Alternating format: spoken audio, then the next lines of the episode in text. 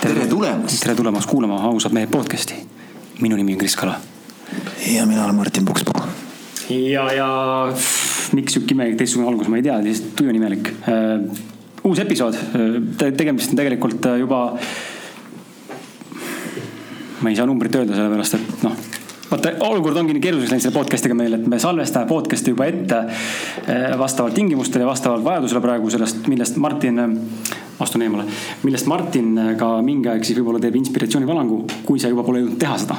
see on mul tõenäoliselt tehtud juba selleks ajaks, kui see saade ilmub jah. imelik on rääkida sel teemal, aga siis mine kuula seda, kui sa kuulanud ei ole veel. miks on meil ettelindistamisega olnud vajadus, miks me üldse teinud ettelinistusi siis saad teada. aga täna on midagi seitsmekümnendate lõpukanti saade.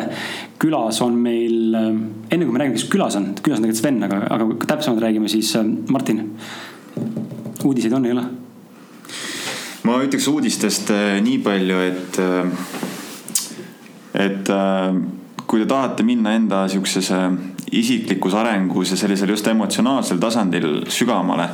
et näha läbi ja lahendada mingisuguseid kuidas siis öelda, mustreid, selliseid lapsepõlve mustreid, igasuguseid haiget saamisi, alla surutud tundeid, emotsioone. tahate neid lahendada, siis minge proovige sellist praktikat nagu circling.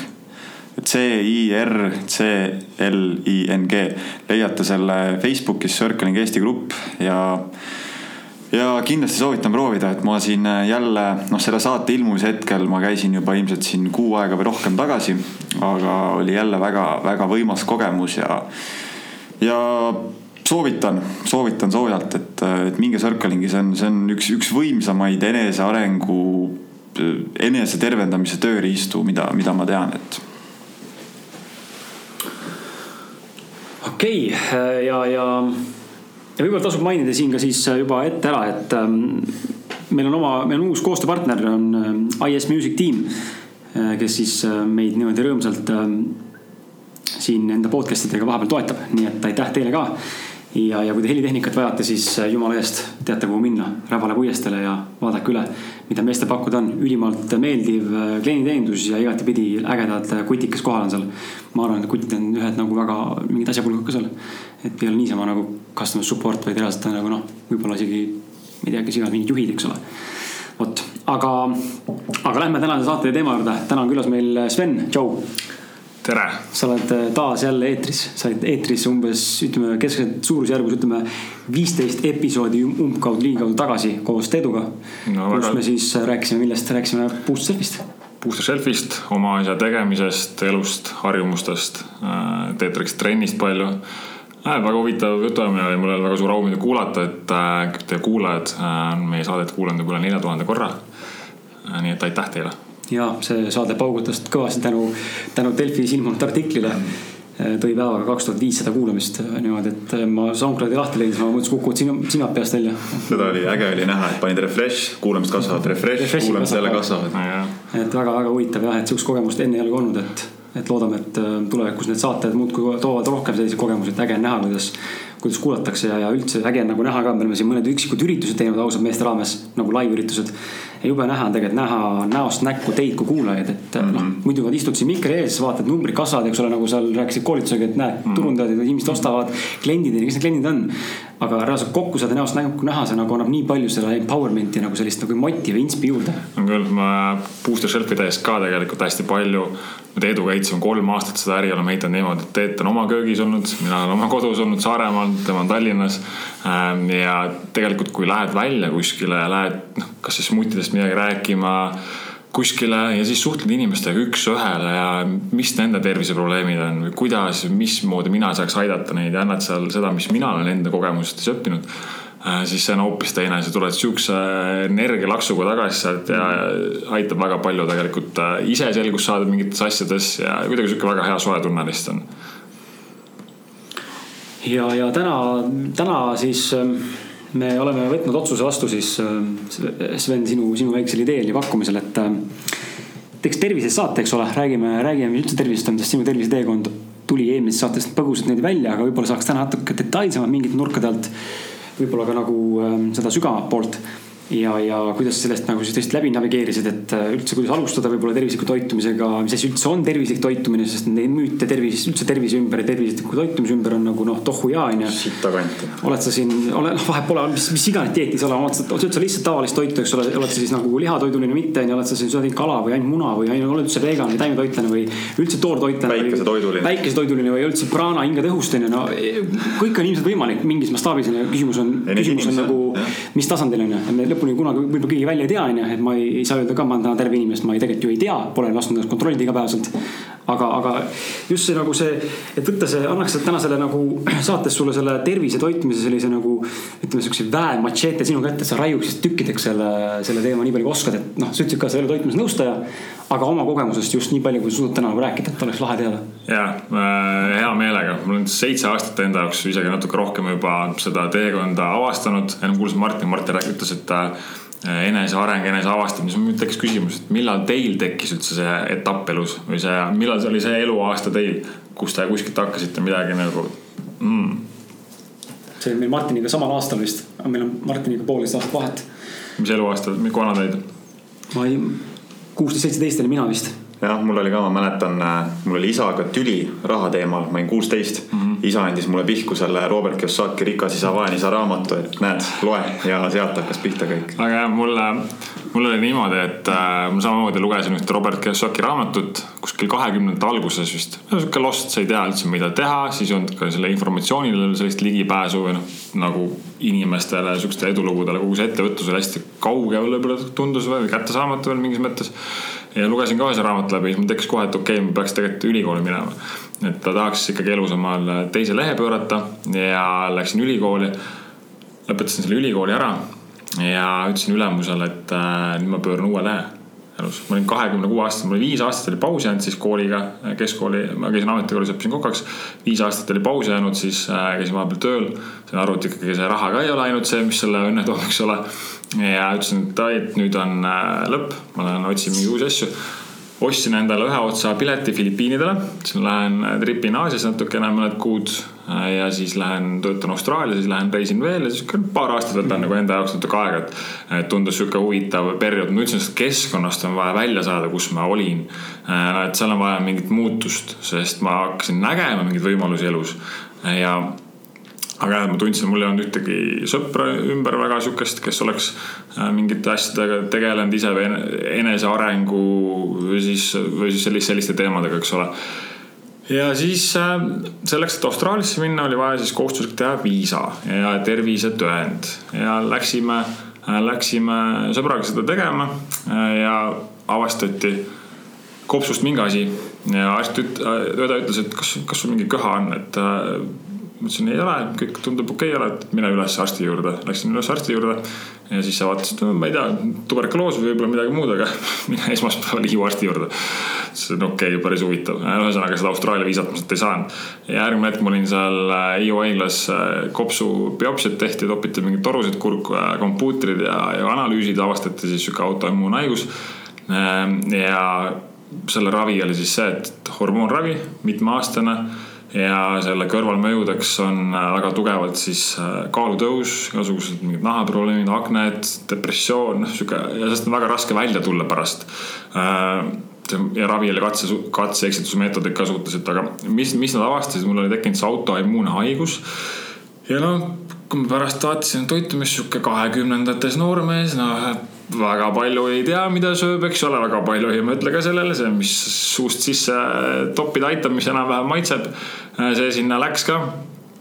ja see oli järsku nagu sihuke šokk kahekümne kuue aastaselt mis siis, mis siis nüüd juhtus, eks ole, et mul olid korraga need kõik unistused ja asjad, mis ma tahtsin teha Äh, ja, ja need olid kõik korraga ära võetud, et ma olin kukkunud nagu veel siis mitu, mitu levelit tahapoole, et nüüd isegi ei olnud enam äh, minu mure see, et mismoodi ma saaks siis omal mingi parema töökoha või, äh, või, või mingi, veel mingeid asju teha elus siis, vaid et kuidas ma selle tervise tagasi saaks. ellu jääda. et jah, et kuidas nagu üldse, et, et, et nagu sa olid sellest kohast, kus sa olid, eks ole, mis arvasid, et sul kogu aeg on nagu alati sama, alles justkui alati nagu seal see turvaline koht mul võeti isegi nagu see ära. ja see ehmatas päris tõsiselt ära, siis ma hakkasin tegema ise hästi tugevalt nagu uurimustööd selle tervise ja toitumise kohta. külastasin Eesti parimaid spetsialiste, tegin kõik tohutud analüüsid, asjad, mis nagu teha andis.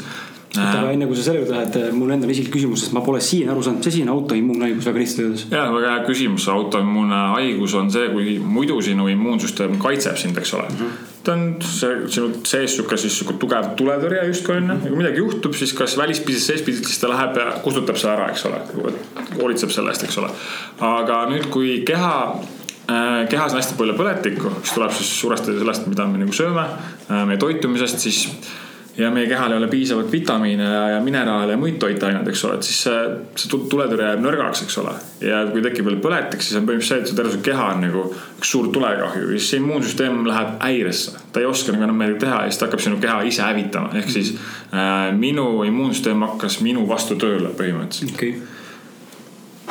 et lühidalt kokkuvõttes on see see äh, et jah, et immuunsüsteem ei kaitsnud enam ja nüüd oli vaja siis midagi teha. et äh, noh väga hea muidugi, et see haigus avastati täiesti siukse juhuslikult, minu emotsioon minna kuskile teha midagi sinna Filipiine lennata. selle käigus, eks ole, sest äh, see haigus oli arenenud juba siis seal üks kuni neli aastat oli juba siis üle, üle kahe, eks ole. ja arstid hoiatasid mind siis jäädava kopsukahjustuse eest, äh, kui ma selle raviga ei alusta aga, aga ma siis äh, nii palju tegin ise uurimustööd, kuna see oli sihuke haruldane haigus ka, millest on toitumisega võimalik lahti saada, siis äh, otsustasin, et okei okay,, et äh, kõigepealt vaataks, mis, äh, mis toitumise seis on, et äh, ei tahtnud terve elu, terve eluaeg neid rootusid küll võtta ja sealt hakkas siis sihuke, sealt hakkas minu uudishimu toitumise vastu. ja lugedes ühe raamatu läbi, teise raamatu läbi, noh siis ma nagu te ennem ütlesite, et neid dieete, ütleme. ma olen nende kõikide kohta lugenud, mis, mis vähegi siin maailmas loodud on. et seda tõesti, seda informatsiooni on väga-väga-väga-väga palju. aga lõpuks ma arvan, nende viiekümne raamatu tulemusel ma jõudsingi, lugemise tulemusel ma jõudsingi sinna, et tegelikult äh, tuleb tagasi minna sinna, kust me tulime nagu see, mida meie vanaemad sõid ise kasvatasid, eks ole. ei ole asjad pakendist, vaid otse põllult, ei ole asjad tehtud tehases, vaid, vaid kasvanud põllul, eks ole Äh, kõik see asi ise kodus söömine, eks ole, või kodus söögi tegemine, et sa ei osta siis poest seda pakendit ja pane sinna mikrouuni, mis on juba surnud toit. ja siis oh, lased selle omakorra veel täiesti surnuks, eks ole. kiirtad ära. ja siis sa sööd seda, noh mingi maitse tal on, aga tegelikult, et mis su keha sellest saab, on ju. ja tegelikult minu toitumine oli siis no, hästi palju mingid saiad, võikud, tanklad äh,, energiajoogid, kohvid, piimatooteid tohutus koguses erinevaid mingeid vorstid, lihad, kalapulgad, majoneesid, salatikastmed, noh kõik sihuke, mis on. see on klassikaline tegelikult. sihuke klassikaline, kus on hästi palju igasuguseid lisaaineid. Äh, kui sa seda, kui seda, kui ma hakkasin äh, mulle õpetati, et hakka, hakka poes neid etikette vaatama onju. ja siis ma hakkasin käima nagu etiketi ment poes põhimõtteliselt. ja siis loed seda ja siis on nagu poolteist tundi oli vahest sihuke poeretk onju. ma pidin hakkama täiesti uute silmadega poes käima, täiesti uute silmadega ma ei saanud osta enam mitte midagi, mida ma ennem söinud olin, söönud olin. ja siis sa vaatad, sa loed, sa ei saa aru, mis seal, mis seal sees on onju. aga no loomulikult see tekkis kohe see efekt, et sa võtsid selle kätte, lugesid ja tahtsid selle kohe tagasi panna sest äh, sa ei saanud aru, mis seal sees oli, eks ole. siis hakkasid ostma värskeid asju, ise süüa tegema, et see on päris huvitav protsess, et kui sa hakkad nagu vaatama, mida need tootjad sinna toidu sisse tegelikult panevad, noh, see on. mul isegi raske, praegu ma ei tea, äkki ma ütlen mingi vale sõna siin eetris, aga aga lihtsalt see, see on lihtsalt nagu jama. see on, see on, see on jabur. nagu jah, see on jabur lihtsalt noh. ja, ja me sööme seda sisse ja siis me imestame, et miks meie keha siis ei toimi niimoodi, nagu toimima peaks, on ju, miks see keha hakkab meie vastu siis tööle, on ju. et äh.... selle etikettidega on tegelikult hea, hea nagu enda kogemus olemas, kui me ka nagu hakkasime teadlikumalt Austraalias elades nagu siis toituma, et noh, me alguses vahetasime seal mingi a la punase liha valge liha vastu on ju, mitte lihtsalt kanaliha, vaid mingi kalkunifilee või mingi muu asi, eks nagu, nagu natuke paremaks minna ja ja mäletan siin Eestisse tulles, siis hakkasime etiketti jälgima ja no täna niimoodi, et minu elukaaslane nagu noh, ma ei, ma ei saa midagi osta ilma, et ta vaataks, mis seal sees on. Mm.. ta, ta kasvõi loeb läbi, ta kasvõi kuradi guugeldab seda samas, ta ei tule enne ära sealt. ja meil on nagu olnud lihtne reegel nüüd, mis me järginud oleme, on see, et osta seda neid asju, milles esitatakse võimalikult lühikese koostisena nimekiri ja kust ei ole midagi ära võtta yeah.. et kui sul on ikkagi, me näiteks täna oleme nagu veendunud ka selles, et liigne soolotarbivus, kas mul on seda vaja, ma ei usu eriti. et näiteks kui, kui on konservkohad, näiteks kui me võtame, keeta või lõhutada neid, võtame purgikube on ju, mingit mahedad ökot. ja kui see sees on sool, siis ma ei võta seda, siis ma võtan pigem, kus lihtsalt on oad oma vees mm. -hmm. mul ei ole seda lisatud soola sinna vaja, nagunii toidus on sool juba olemas ehk siis nagu see, noh, see on meie valik, eks ole. ma saan ka aru tegelikult, kuskohast see nagu tuleb, ma olen kolmekümne nelja aastane, ma, ma tean seda aega, kus poest ei saanud osta asju, kus hakkasid tulema esimesed voimiksid ja asjad, mis nagu said leiva peal määrida, et sa ei pidanudki seda ennem hoidma tund aega laua peal, eks ole. Ja noh, kõik mingid äh, saksa keeksid ja mingid jogurtid, mida ma äh, Pro7-st nägin, neid reklaame vaatasin, mida meil müügil ei olnud, eks ole, mingid McDonaldsid ja pitsad, mida me ei saanud, noh justkui sihuke välismaa kõik oli nagu äge ja huvitav ja sai poest osta. ja nüüd viimase paarikümne aastaga on see hullustus jõudnudki sinna, et see, see toot-, noh, see ongi meie elu mugavaks teinud, eks ole, sul on iga nurga peal on mingid asjad, kus sa saad võtta mingi ampsu siit-sealt, eks ole, aga aga me oleme ära unustanud selle jooksul selle, mis selle toitu, toidu juures tegelikult oluline oli, on ju. toitaine väärtus, et see keha, et ta saaks, keha saaks vitamiine mm, -hmm. kõiki to toitained, mis, mis seal sees on.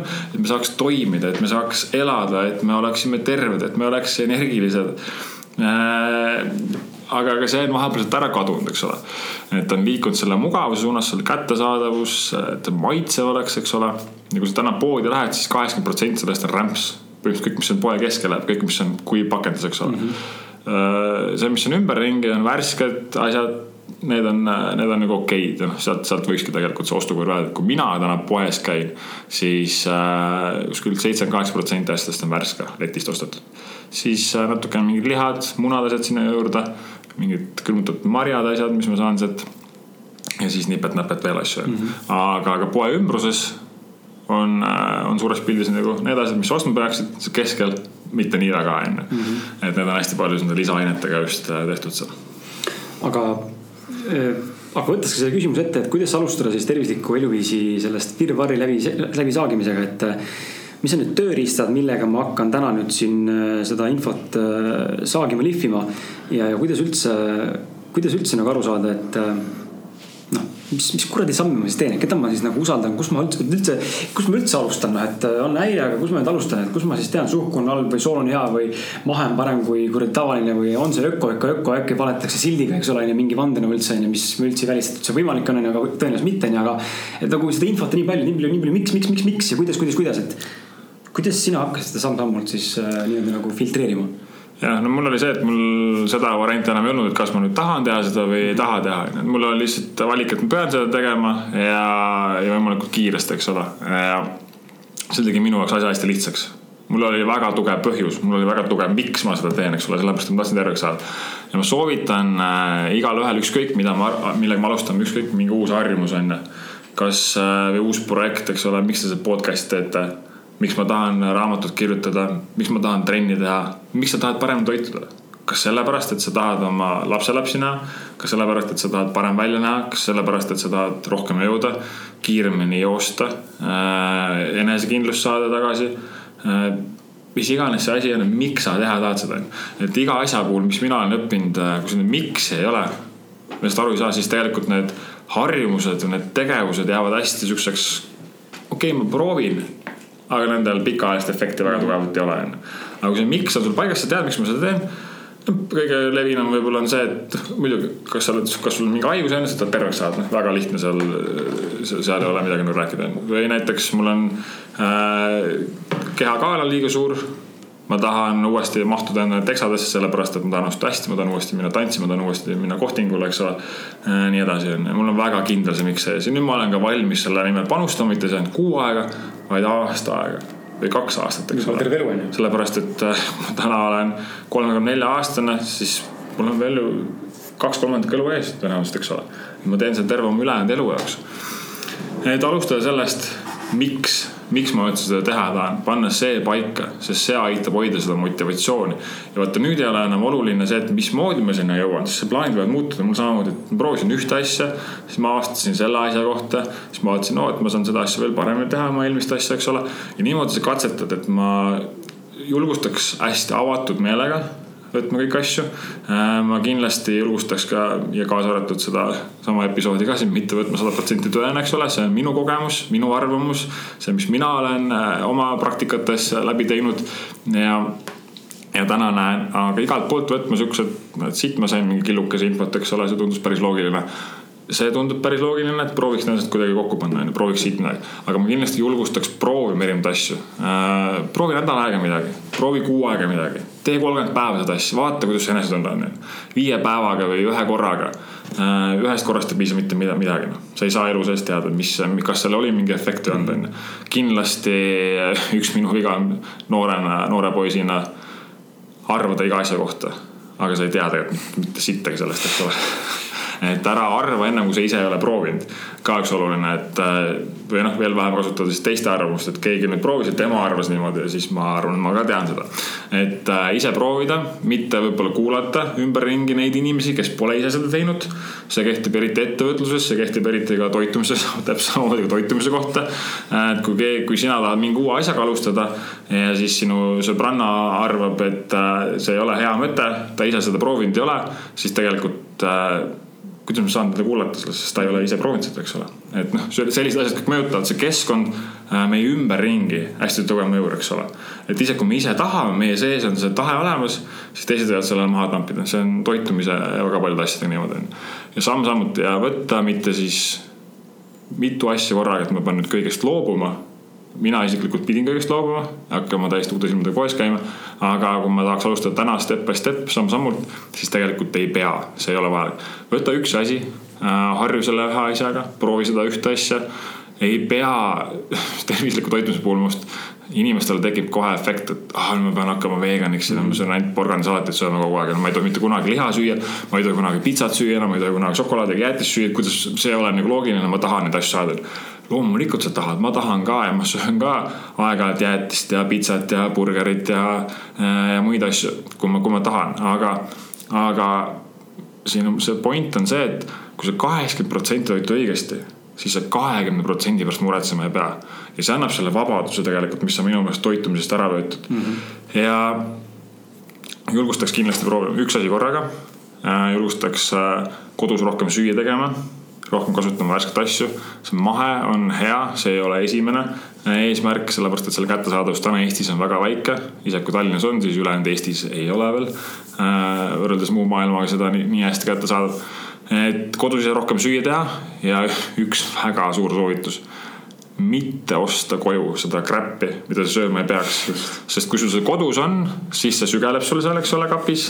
sa tahaks, et mingit ampsu võtta ja tegelikult tükikest lõigata. Äh, aga kui sul seda kodus ei ole, siis ei ole ka probleemi, eks ole. sa sööd neid asju, mis sul kodus on. Need, mis sul kodus ei ole, neid sa ei söö. Mm. -hmm. mine söö enda burger väljas ära, see on okei. Okay.. söö see jäätis väljas ära, see on okei. Okay.. mine söö see pitsa seal väljas ära, see on ka okei. Okay.. aga ära seda lihtsalt koju tagasi too, eks ole, et äh, osta koju värskeid asju hakka rohkem süüa tegema kodus, see on ka perekonnaseltsis väga hea aeg, eks ole, mida on täna väga vähe selle asemel, et istuda nutitelefonis ja kugistada endale alla seda asja. ise ka süüdi selles. aga kui sa kodus teed süüa, see on kuidagi sihuke nagu meditatiivne tegevus natukene. sa valmistad enda keha ette selleks, et sul midagi maitset tuleb, eks ole siis tuled oma töömõtetest alla, oma mingitest muredest, sa nagu lood midagi. ja noh, neid retsepti, retsepte asju on täna piisavalt saada ja tegelikult hästi mõnus sihuke koosolemine ka, kus kutsud sõbrad külla äh,. proovid uusi asju, et äh, need oleks minu sammud ja see ei ole üldse, see ei ole üldse nii raske tegelikult ma selle retseptide koha pealt, äh, ma arvan ka oma kogemusest saan öelda ka, kui inimene mõtleb, et mis mina ei tea, hakka kunagi siin kokaks, keegi ei käsigi sul kokaks hakata, aga just see, et sa hakkad tegema kas retseptide najal. kõiki asju, mina näiteks olen näinud, täna oleme väga palju retsepte, me leidnud oleme, oleme ise kohendanud vastavalt oma maitse natuke midagi tweak inud, muutnud ja, ja tegelikult sa juba seda tehes, sa tegelikult juba oled tegelikult mingil määral retseptilooja kokk omas vormis. ehk siis katsetamist võimalik palju ja mul on ka see kokkamisega sihuke nagu. mõnikord tekib nagu tunne, et täitsa perses, ma lihtsalt ei viitsi enam, noh, mul on kõrini sees, ma pean kogu aeg süüa tegema, kogu aeg köögis mm.. aga no siis tee näiteks, ma ei tea, ma mõnikord teeme kaks päeva ette toitu mm., kaheks päevaks, kolmeks päevaks. no üle selle juba siis ei taha süüa sama toitu no, näiteks mingi toidud, mida ma teen äh,. räägime seal ka, üks toidukord on tavaliselt smuuti on ju. ja lihtne asi sellepärast, et ma saan panna kõik selle värske asja sinna kasulikud asjad, ma saan maitsvaks joogist teha mm.. joon selle ära, mul viie minutiga joodud, pestud, kõik on korras. üks toidukord on vähem äh,. Hommikul teeme niimoodi süüa, et äh, teeb šaalini süüa äh, enamasti hommikuti. Ja siis on sellega on hommikusöögat on, teeme kas mingi omleti, mingid avokaadod, mingid siuksed asjad on ju, natuke mingeid värskeid asju kõrval seal. ja siis õhtusöögitakse mina on ju, et noh, kogu aeg ei tee üks, vaid siis ka kordame, et kuidagi jaotada ära on. ju ja, ja need äh, retseptid ka, et sa lõhtusöögiks teha näiteks, ostadki selle kanafilee on ju. kuidagi teed selle maitsvaks, eks ole, et mingit vokki on lihtne teha, sinna kõrvale mingi salat teha. salatit kastet on ise hästi lihtne teha, blenderis näiteks äh,. püreesuppi teha kasvõi näiteks enne samamoodi keedad blenderisse väga maitsva toidukord on ju, et kõik siuksed asjad tegelikult toidu, toidu valmistamine ei ole üldse kerge ja mida vähem koostisosad, mida lihtsam see on, seda tegelikult maitsvam see on. et äh, ja proovige, proovige kindlasti mm,. okei okay,, aga infot on palju, okei okay., aga. toidulisandid. ja ma mõtlen toidulisandid jah, et see on sihuke asi, mis on, käib siin sihuke tunne, et see käib söögi alla, söögi peale, et noh, nii eriti siis ütleme trennimaailmas, fitness maailmas, kus on toidulisandid väga justkui oluline osa. ise väga noh, mina, mul on seda raske kommenteerida, sest minu näge-, väljanägemine on viieteistkümne poiss on ju. et ma ei ole mingi fit olümpiale minev mees on ju, et kui ma oleks selline, ütleksin, et see toidulisand on pask, siis võib-olla usutakse rohkem mm aga mulle endiselt ikkagi tundub, et see tegelikult on lihtsalt äri enamasti, enamjaolt meil tegelikult ei ole seda vaja, sest kõik on tegelikult toidus kättesaadav, kui me teame, kuidas, mida täpselt süüa. ja muidugi igaüks on erinev ka, onju, kõik, mõni peab, Martin peab võib-olla rohkem palku, sina, Sven, võib-olla vähem, mina samuti vähem võib-olla onju. ja üldse neid koguseid asju, et, et nagu kas, mis on sinu arvamus, et kas toidulisandit peaks inimene nagu justkui võtma, onju, või nagu võiks, kui peaks? ja, ja, ja milliseid sa soovitad ja, ja või milleni sa oled jõudnud, miks, kas sul on midagi, mida sina tarbid ise ja miks võib-olla? kunagi mul oli äh, sissejuhatuseks siia, ma olen kahe, kahekümnendate alguses jõin Actimeli, sest noh, telekas näidati, et Actimel kaitseb immuunsüsteemi, noh muidugi need bakterid äh, kaitsevadki ja see on kõik õige seal ja jõin iga päev Actimeli, siis mingi aeg tekkis küsimus, ma ei tea, mingi kuude ära, et hmm, kui ma nüüd Actimeli järgi jätan selle, selle joomise, et kas ma siis jään haigeks või? noh, tekkis juba sihuke nagu hirm natukene onju, see sisendati meil lihtsalt nii, nii tugevalt. ma olen võtnud erinevaid toidulisandeid äh, ja oma selle tohutu uurimustöö käigus mis, mis ma toitumise kohta teinud olen, olen ma jõudnud sinna tegelikult toidust saabki kätte. Äh, kui süüa mitmekesiselt, eks ole. ja tervislikult, et seal on neid värskeid asju, siis mille Krisi toit, Martini toitumist ma ei tea, Krisi oma ma tean, et ta kindlasti nagu äh, on, on see tervislikum mees. Äh, aga mis on nagu probleem, on see, et täna enamus hulga inimeste toitumine ei ole tasakaalus kaugeltki mitte tervislik, eks ole. ja sealt me just neid asju kätte ei saa. nüüd teine probleem on äh, sellega veel nende toite, toitainetega, mida me kehad vajavad igapäevaselt tegelikult, eks ole. ja meie kehad ei salvesta enamusi neid asju ära, nad ise ka ei tooda neid, sest me peame saama kogu aeg toidust. on see, et äh, nüüd kuidas kasvatatakse neid asju sest äh, kogu see tööstus on samamoodi muutunud, enam see muld ei, mullast tulevad mineraalid, eks ole, sinna, sinna tomati sisse ja muude asjade sisse, eks ole see ei kanna enam seda väärtust, mis ta kunagi, kunagi, kunagi oli, et see on kehvemaks läinud on ju, või seda siis kasutatakse mingeid väetisasju pannakse sinna sisse või. üldse nad kasvavad kuskil sul mingi veelahuse sees on ju, noh, me ei tea seda täna on ju, et noh, seal tuleb jällegi mängu see mahe on ju. sest mahel jälgitakse rohkem neid reegleid ja see toitaine väärtus on veel suurem, ehk see kvaliteet on nagu kõrgem on ju. et äh, see toetab seda, et sa saaksid rohkem sealt kätte nüüd, äh, kui me räägime toidulisanditest, siis neid on erinevaid. enamus neist on sünteetilised kunstlikud ja neid lisatakse ka siis juurde toitudele näiteks. kas need võetakse sealt ennem ära ja siis pannakse sinna tagasi, noh näiteks piima sisse pannakse sul mingeid asju juurde onju, ma ise ka olen nüüd näinud leivas on või saias mingis on kuskil mingid vitamiinid sees, siis ma vaatan, okei okay. kas ma peaks hakkama röstsaia sööma selleks, et D-vitamiini saada. aga nüüd probleem on selles, et need enamus on sünteetilised keha ei omasta neid ära sellisel kujul, nagu nad on algselt loodud, eks ole, et sa ei saa võtta apelsinist ära C-vitamiini panna ta siis kuskile eraldi. nüüd ta on olemas, nüüd ta on nagu olemas ja nüüd keha omastab selle ära, eks ole. et seal on tuhandeid, sadu teisi elemente, molekuli, keemilisi ühendeid, mis aitavad kogu selle C-vitamiini omastada, eks ole. ja selleks C-vitamiini omastamiseks, selleks on mingeid teisi asju vaja, on ju. ja enamus on toidulisandid, äh, öeldakse, see ei ole minu välja mõeldud või mida ma ise olen lugenud. Äh, et see lihtsalt on, äh, see väljub sinu kehast kalli uriinina põhimõtteliselt, keha ei omasta ära ja tegelikult see võib isegi pikas perspektiivis kahjulik olla sinu organismile, sest ta kurnab sind mingite, mingite üledoosidega ära kogu aeg järjest, keha ei suuda neid lihtsalt läbi lasta enam. Aga on olemas ka looduslikke, äh, kindlasti paremaid variante, on täna järjest rohkem, seal muidugi enda sihuke uurimustöö on hästi vajalik, et sa vaatad, mida siis, mis seal täpselt sinna sisse pandud on. sünteetilisi kindlasti mitte, ma kunagi jõin neid mis need on need topsid, siuksed torbiku sees on mingid lahustuvad vitamiinid onju. ma ei taha. kihisevad tabletid või? oh, ma ei ma ei imesta, kui need olid üheks põhjuseks, miks ma haigeks jäin, eks ole. et äh, noh, seal on lihtsalt nagu nii palju keemiat sees, et see on lihtsalt kohutav. Ja, ja organism ei võta seda või ei võta seda omaks nagunii onju. mina toidulisandite kohta ei, ei oska öelda, kas nüüd peab sada protsenti või ei pea, inimesed on erinevad, inimeste toitumised on erinevad Äh, kui sa tahad teada, kas sa peaksid võtma, siis ma soovitaks teha mingi veretesti, ma arvan, kas äh, Synlab teeb seda mm -hmm. äkki vist või, et sa saad teada, kas sul on siis mingitest vitamiinidest päriselt puudus. kas tahaks lihtsalt iseenda jaoks saada kindlustust äh, teada saada, mina ise, mina tegin selle testi kunagi. Aga mina täna tean, mis, mida ma võtma pean või mida ma arvan, et võtma peaks, on kindlasti D-vitamiin ja siis omega rasvhapped, et need on kaks asja, mida võtan, sest D-vitamiin on üks kindel, et selle varud sügiseks on meil väga otsas ja fakt on see, et seda. kevadeks või sügiseks? sügiseks. sügiseks, sügiseks., peale suve. üsna kiiresti saanud otsa tegelikult. et seda ma võtan nädalas mingi, ma võtan kuskil niimoodi üle päeva ja see on väga suure doosi, väga suure kogusega siis see, see D-vitamiin. Ja omega, omega on siis teine, aga seal samamoodi vaata, et kuskohast see kala tuleb, mis sa kasutad on seal, eks ole, või see kalaõli, eks ole. et need oleks kindlasti kvaliteetsed, sest sa ei taha panna endal toidulisandite näol sisse siis äh,. raskemat välja või mingi muu. jah, just raskemat välja või veel siis mingeid äh, keemilisi asju seal mm, -hmm. et seda organismi koormata, sest organism äh, filtreerib, peab suutma kogu seda asja siin läbi filtreerida. kogu kõik, mis me sööme, eks ole äh,. et see rämps jookseks lihtsalt välja, onju. kui me ise veel seda juurde topime sinna äh, toidulisandite näol, et me arvame, et see teeb meile kasu, aga tegelikult teeb kahju, onju, et siis me omakorda veel kurname seda organismi. et sa tasub kindlasti ettevaatlik olla, aga minu arvates see omega ja siis D-vitamiin, need kaks.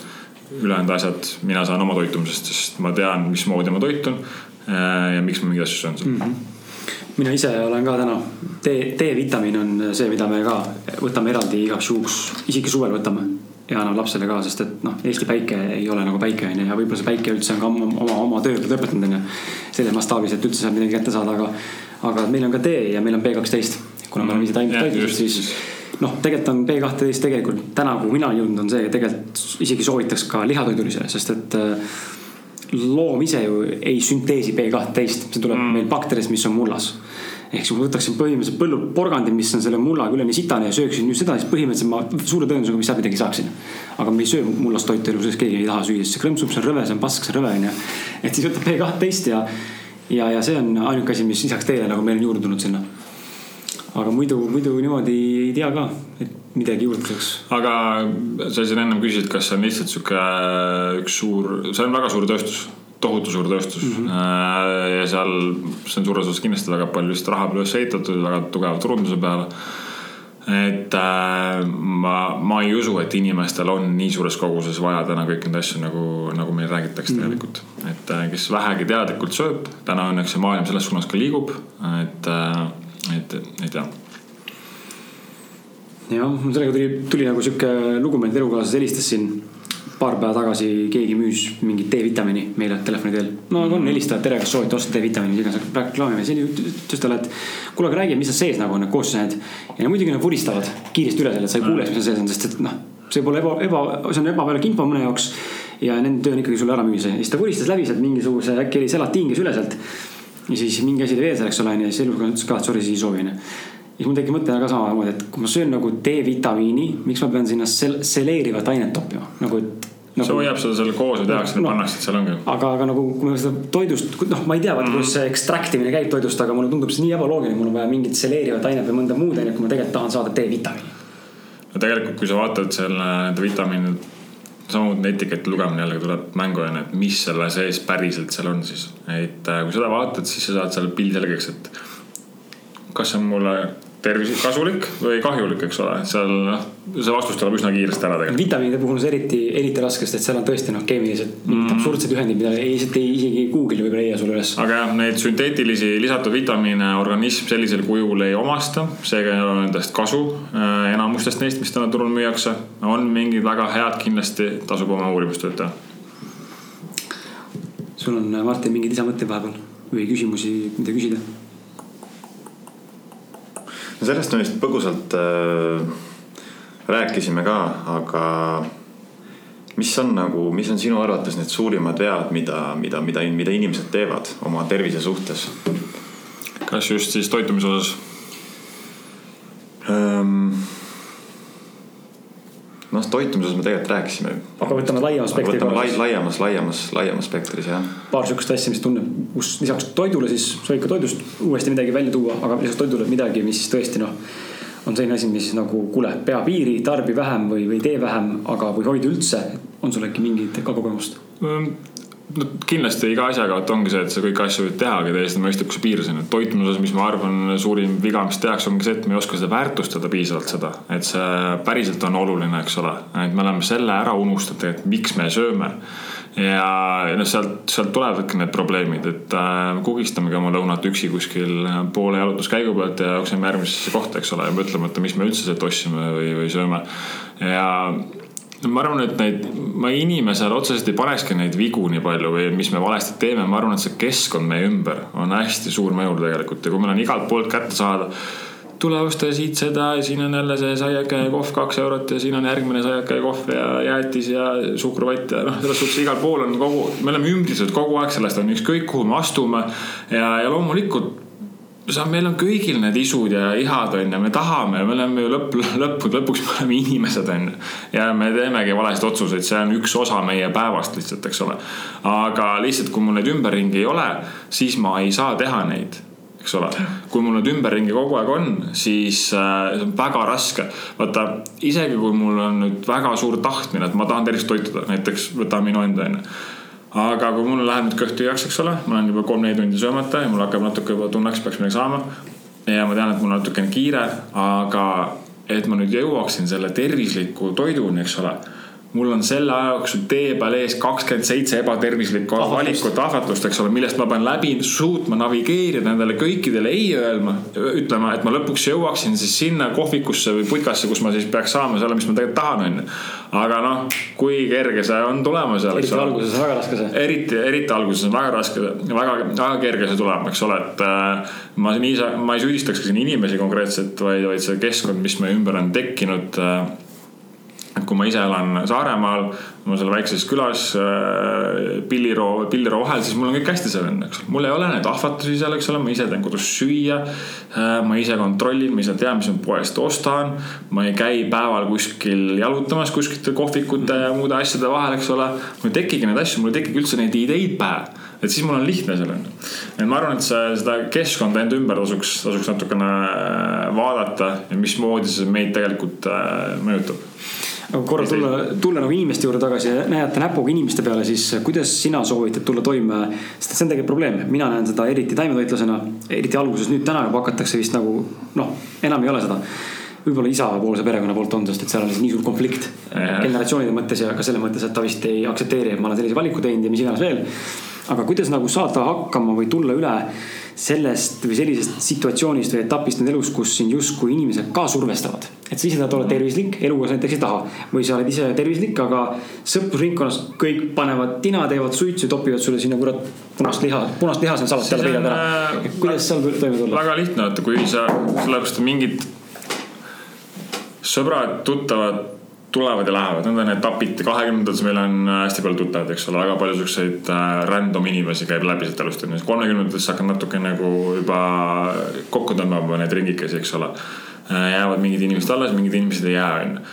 ja tegelikult, kui sa, noh, ma olen läbi teinud sedasama asja oma eluga üldiselt, eks ole, et ma tahtsin ise oma asja teha, tahtsin ise olla enda elu peremees nii-öelda, oma valikuid teha, paremat elu elada, mul oli see mingi unistus silme ees aga see keskkond, kus ma olin, oli täpselt vastupidine, eks ole mm. -hmm. ma pidin sealt tegema üksi väga julge sammu välja ja niimoodi, et mul ei olnud mitte mingisugust turvalist kohta, kus ma siis lähen või kas see töötab või. ma pidin olema valmis selleks, et ma pean sinna tagasi minema, eks ole ja, ja maha vaatama siis nii-öelda et ei, ei toiminud, eks ole.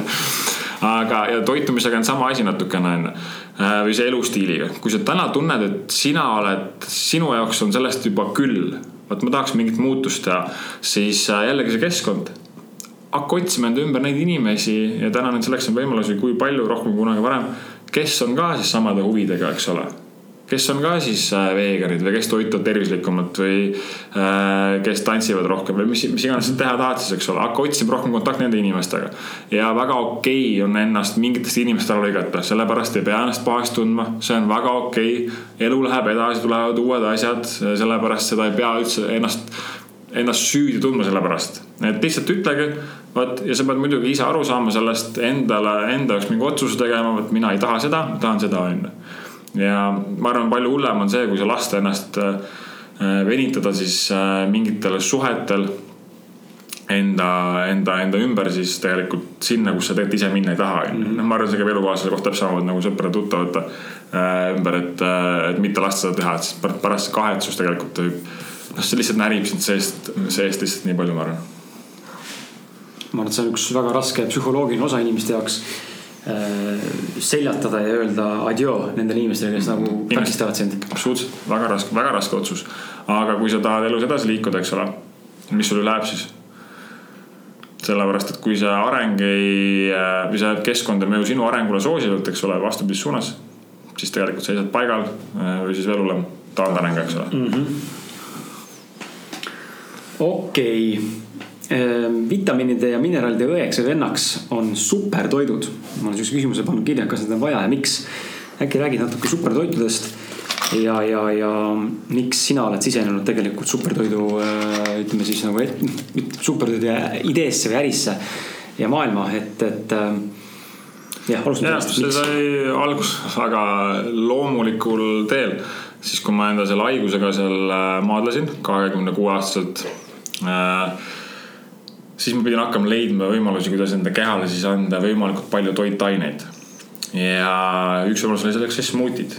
ma sõin salatit, hakkasin sööma, teine võimalus oli siis äh,, ma, ma, ma ei, ma ei jõudnud kolm korda aastas salatit süüa. okei okay,, mida ma teha saaks, hakkasin blenderdama neid asju ja siis äh, blenderdasin paar aastat, siis hakkasin sinna sisse panema kanepiseemneid, kotsimarju äh,, igasuguseid õietolme ja mingeid muid asju, kakaosid ja, ja spiruliinasid, eks ole, hakkasid vaatama, hakkasid lugema nende kohta, kus kuskilt siis mingid äh, USA, Ameerika onud rääkisid, et nendes on siis mingid toitained seal rohkem on ju, need teevad seda, seda, seda. ma mõtlesin, et jaa, mul oleks täpselt vaja nüüd, eks ole ja siis ma ka neli aastat tõin neid smutisid ja siis äh, ülikoolis olime saanud tuttavaks Teeduga, eks ole, siis me otsisime samal ajal, mida siis teha, onju. käis erinevaid ideesid läbi. ja siis ma andsin, kuus kuud läks küll aega, aga, aga lõpuks ta jõudis ka smutideni, siis ta oli oma enda selle energia, väsimusega hädas natukene, oma kohvi ületarbimisega, eks ole. kehas samamoodi toitaineid oli vaja, hakkas ka smutist, tundis ka mingit vahet sealt ja siis ma panin juba neid supertoite sinna smutide sisse. ja selle põhjusega just, et seda smutitoite võrdles veel tõsta. kakao on äh, magneesium hästi, hästi, hästi hea magneesiumiallikas. siis äh, loomulikult ka Eesti supertoidud sinna, arooniad ja mustikad ja jõhvikad ja, ja muud asjad seal aga neid oli sihuke suur äh, sahtlitäis mul. Ja siis Teedu jaoks oli see natukene segadust tekitav ja sealt sündiski Booster Surf tegelikult, et inimeste jaoks ka supertoitude asi lihtsamaks teha ja läbi siis smutide viia nende ellu see üks lihtne harjumus, mida igaüks saaks teha, on ju. olema sellest vahet ei ole, kes sa oled või kui vana sa oled. sa saad selle ühe tervisliku asja endaks teha ja vahet ei ole, mis sul ülejäänud päevas siis toimub, on ju. aga supertoitude roll seal selles smutide sees või minu toitumises täna ongi see, et äh, kuna ma tean, et kõikide teiste toitaine, toitude, toiteväärtus on vähenenud siis ma tean, et need supertoidud, mida meie kasutame, on mahedad esiteks, eh, kontrollitud, mismoodi kasvatatakse. ma sealt saan, supertoidud on näiteks kamu-kamu eh, tuleb, eh, tuleb Lõuna-Ameerikast. on tema C-vitamiinisisaldus võrreldes apelsiniga nelikümmend korda suurem, eks ole mm -hmm.. kahest grammist ehk siis kolmandikust teelusikatäiest ja saad oma päevase kogus C-vitamiini, eks ole. et kui ma tean, et ma panen lusikatäie seda, pool lusikatäit seda ja supplusikatäie seda, siis ma saan millest kätte, et ma saan siit saan valke, sealt ma saan magneesiumit, rauad, omegad, vitamiinid, mineraalid. et see on minu jaoks sihuke nagu kindlustuspoliis natukene, et noh ma ei võta toidulisandid, eks ole, aga ma tarvitan neid äh, looduslikul, loomulikul kujul siis nii nagu nad on tulnud põhimõtteliselt mm. -hmm. Need on siis kas külmkojatatud ära jahvatatud, ära kuivatatud, et see toiteväärtus oleks siis selle säilinud äh, ilusti. ja need täidavad minu jaoks seda rolli. et ma tean, miks ma mingeid asju pean seal äh,, pean kasutama. kuidas sul, Martin, on? oled, äh, oled smuutide või supertoitude või sihukeste asjade fänn, ei ole? pigem äh, hetkel, pigem on see, et äh, kuidagi ei ole nagu sattunud nende peale enam. Et olen nagu jäänud siukse lihtsalt enam-vähem tervisliku toitumise juurde. et äh, võib-olla, võib-olla, võib-olla laiskus kohati, et ei ole nagu viitsinud niimoodi otsida ja uurida ja, ja, ja nagu raha, raha panustada sinna, et osta, osta pidevalt neid supertoite, et mul Eesti puhul on see, et kui ma näiteks kus, kuskil käid reisil, siis noh, kuskil lõunamaal, USA-s samamoodi oli, ka Aasias oled, siis hästi suur selle värske toidu valik on, noh tohutu mm -hmm. võrreldes Eestiga. Eestis on meil siuksed äh, pooltoored virsikud ja noh. isegi see Balti jaama turg, see ei ole nagu turg, mis on välismaal. just, et nad on nagu siuksed äh, pooltoored asjad sinna toodud, väga väike valik, eks ole, roheliste valik on väga väike Eestis, noh sinna tahan salatit teha endale, noh nüüd on hakanud vaikselt tekkima mm -hmm., jumal tänatud, eks ole. aga, aga kui ma hakkasin neid smuutisid jooma, no mul ei olnud midagi võtta seitse aastat tagasi seal, et äh, siis. et siis, siis oli väga väike see valik, eks ole, ja siis äh, ma hakkasingi otsima, et mida, kuidas ma saaks kompenseerida seda siis natukene, ma saaks äh,. ma saaks selle toitude väärtuslikku tuu, osa tuua sinna muude asjade näol, mis mul alati kodus olemas kogu aeg, alati, alati on, alati on võtta siis jah, huvitav on see, et ähm, küsin korra sinult, kuidas sinul tulnud sellega on. ma mingi aeg hakkasin smuutise reeget jooma. ikka jõin, ma arvan, peaaegu äkki poolteist aastat niimoodi, et mitte iga päev, aga nädalas neli-viis korda hommikuti ja mõnikord õhtul ka ja mõnikord lõunaks isegi. panin mingi jõhkra smuuti onju, minul on kaheliitrise smuutis, ma ei saa, ma ei saa täis see kõht väiksest. mäletan, sul on kannutäisid. kannutäisid onju, aga, aga huvitav on see, et nagu täna ma tunnen, et mul on nagu hakanud vastu või on neid vähem ja vastu just selles mõttes ma näen, et ma ei oska nagu enam mõelda mingeid ägedaid nagu äh, retsepte välja. et mm. ma olen mingeid teemasid katsetanud, kõik ei ole meeldinud. siis yeah. tunned, et tahagi uut katsetada, äkki jälle ei meeldi. ja siis lähed selle vana mingisuguse enda peale välja, kus on kõik vanad asjad sees onju, no natuke midagi muud, ikka värv on lilla, ikka maitse on sihuke vaarikaline või mingi mm. mustikaline. ja siis ongi sihuke tunne, ma joon kogu aeg ühte sama asja, et kuidagi nagu, et noh, kurat küll, et äh, kuidas nagu seda smuutimaal võib-olla, ma ei teagi, no kuidas, kuidas seal nagu, kas seal on mingid piirid või see on see, et pigem anna minna nagu ütlesidki, pane kõike, mis sul sinna mikrisse läheb, blendrisse läheb ja lihtsalt sega kokku ja joo ära noh ja ma olen seda kuulnud osad äh, inimeste käest, kes periooditi käest on ja siis võib-olla sa mingi aja pärast hakkad uuesti jooma või vahepeal jood, ma ei tea, värskeid mahlusid on. et oled siin midagi asemele leidnud. ma olen smutist siiamaani joonud, seitse-kaheksa aastat nüüd, ma vahest teen isegi kaks tükki, et kui mul trennipäev on, siis ma teen reeglina teise veel sinna otsa, sihuke proteiinismuti, üks on sihuke nagu lõunane smuti või hommikune smuti äh, aga seal maitsed huvitav, et mul ei ole tekkinud sihukest nagu mingit äh, plokki või tunneks, et ma ei taha nüüd. mul on äh, pigem on see, et kui ma olen mingi üle söönud ennast näiteks, kas kuskil, äh, ma ei tea, vanaema sünnipäev näiteks sõpradega käid väljas seal või kuskilt reisi pealt tuled, siis lennujaamas seal mingit saia pugistad sisse, sul pole enamasti midagi süüa vahest onju. siis tunned, et kurat tahaks täna ma tahan hullu rohelist mutit kohe teha nagu esimese asjana, sest ma tean, et see paneb mul just organismi tööle. Aitab selle asja siit ära laustada kenasti ja mul on pärast nagu hea, kerge, värske olla. aga mul on, ma ütleks, et mul on suhteliselt samad asjad äh, ikkagi. mul on alati banaanid kodus, avokaadod mul on äh, mingit nelja-viit erinevat äh, marja sügavkülmas alati võtta, lisaks veel mingid ananassi asjad seal äh,. leht kapsast topin sügavkülma ka. kale siis kui. keil, keil just jah, onju et äh, Raudsi talust võtan seda sealt, Saaremaal kasvatavad, toovad mulle, siis lapin selle sügavkülm valmis.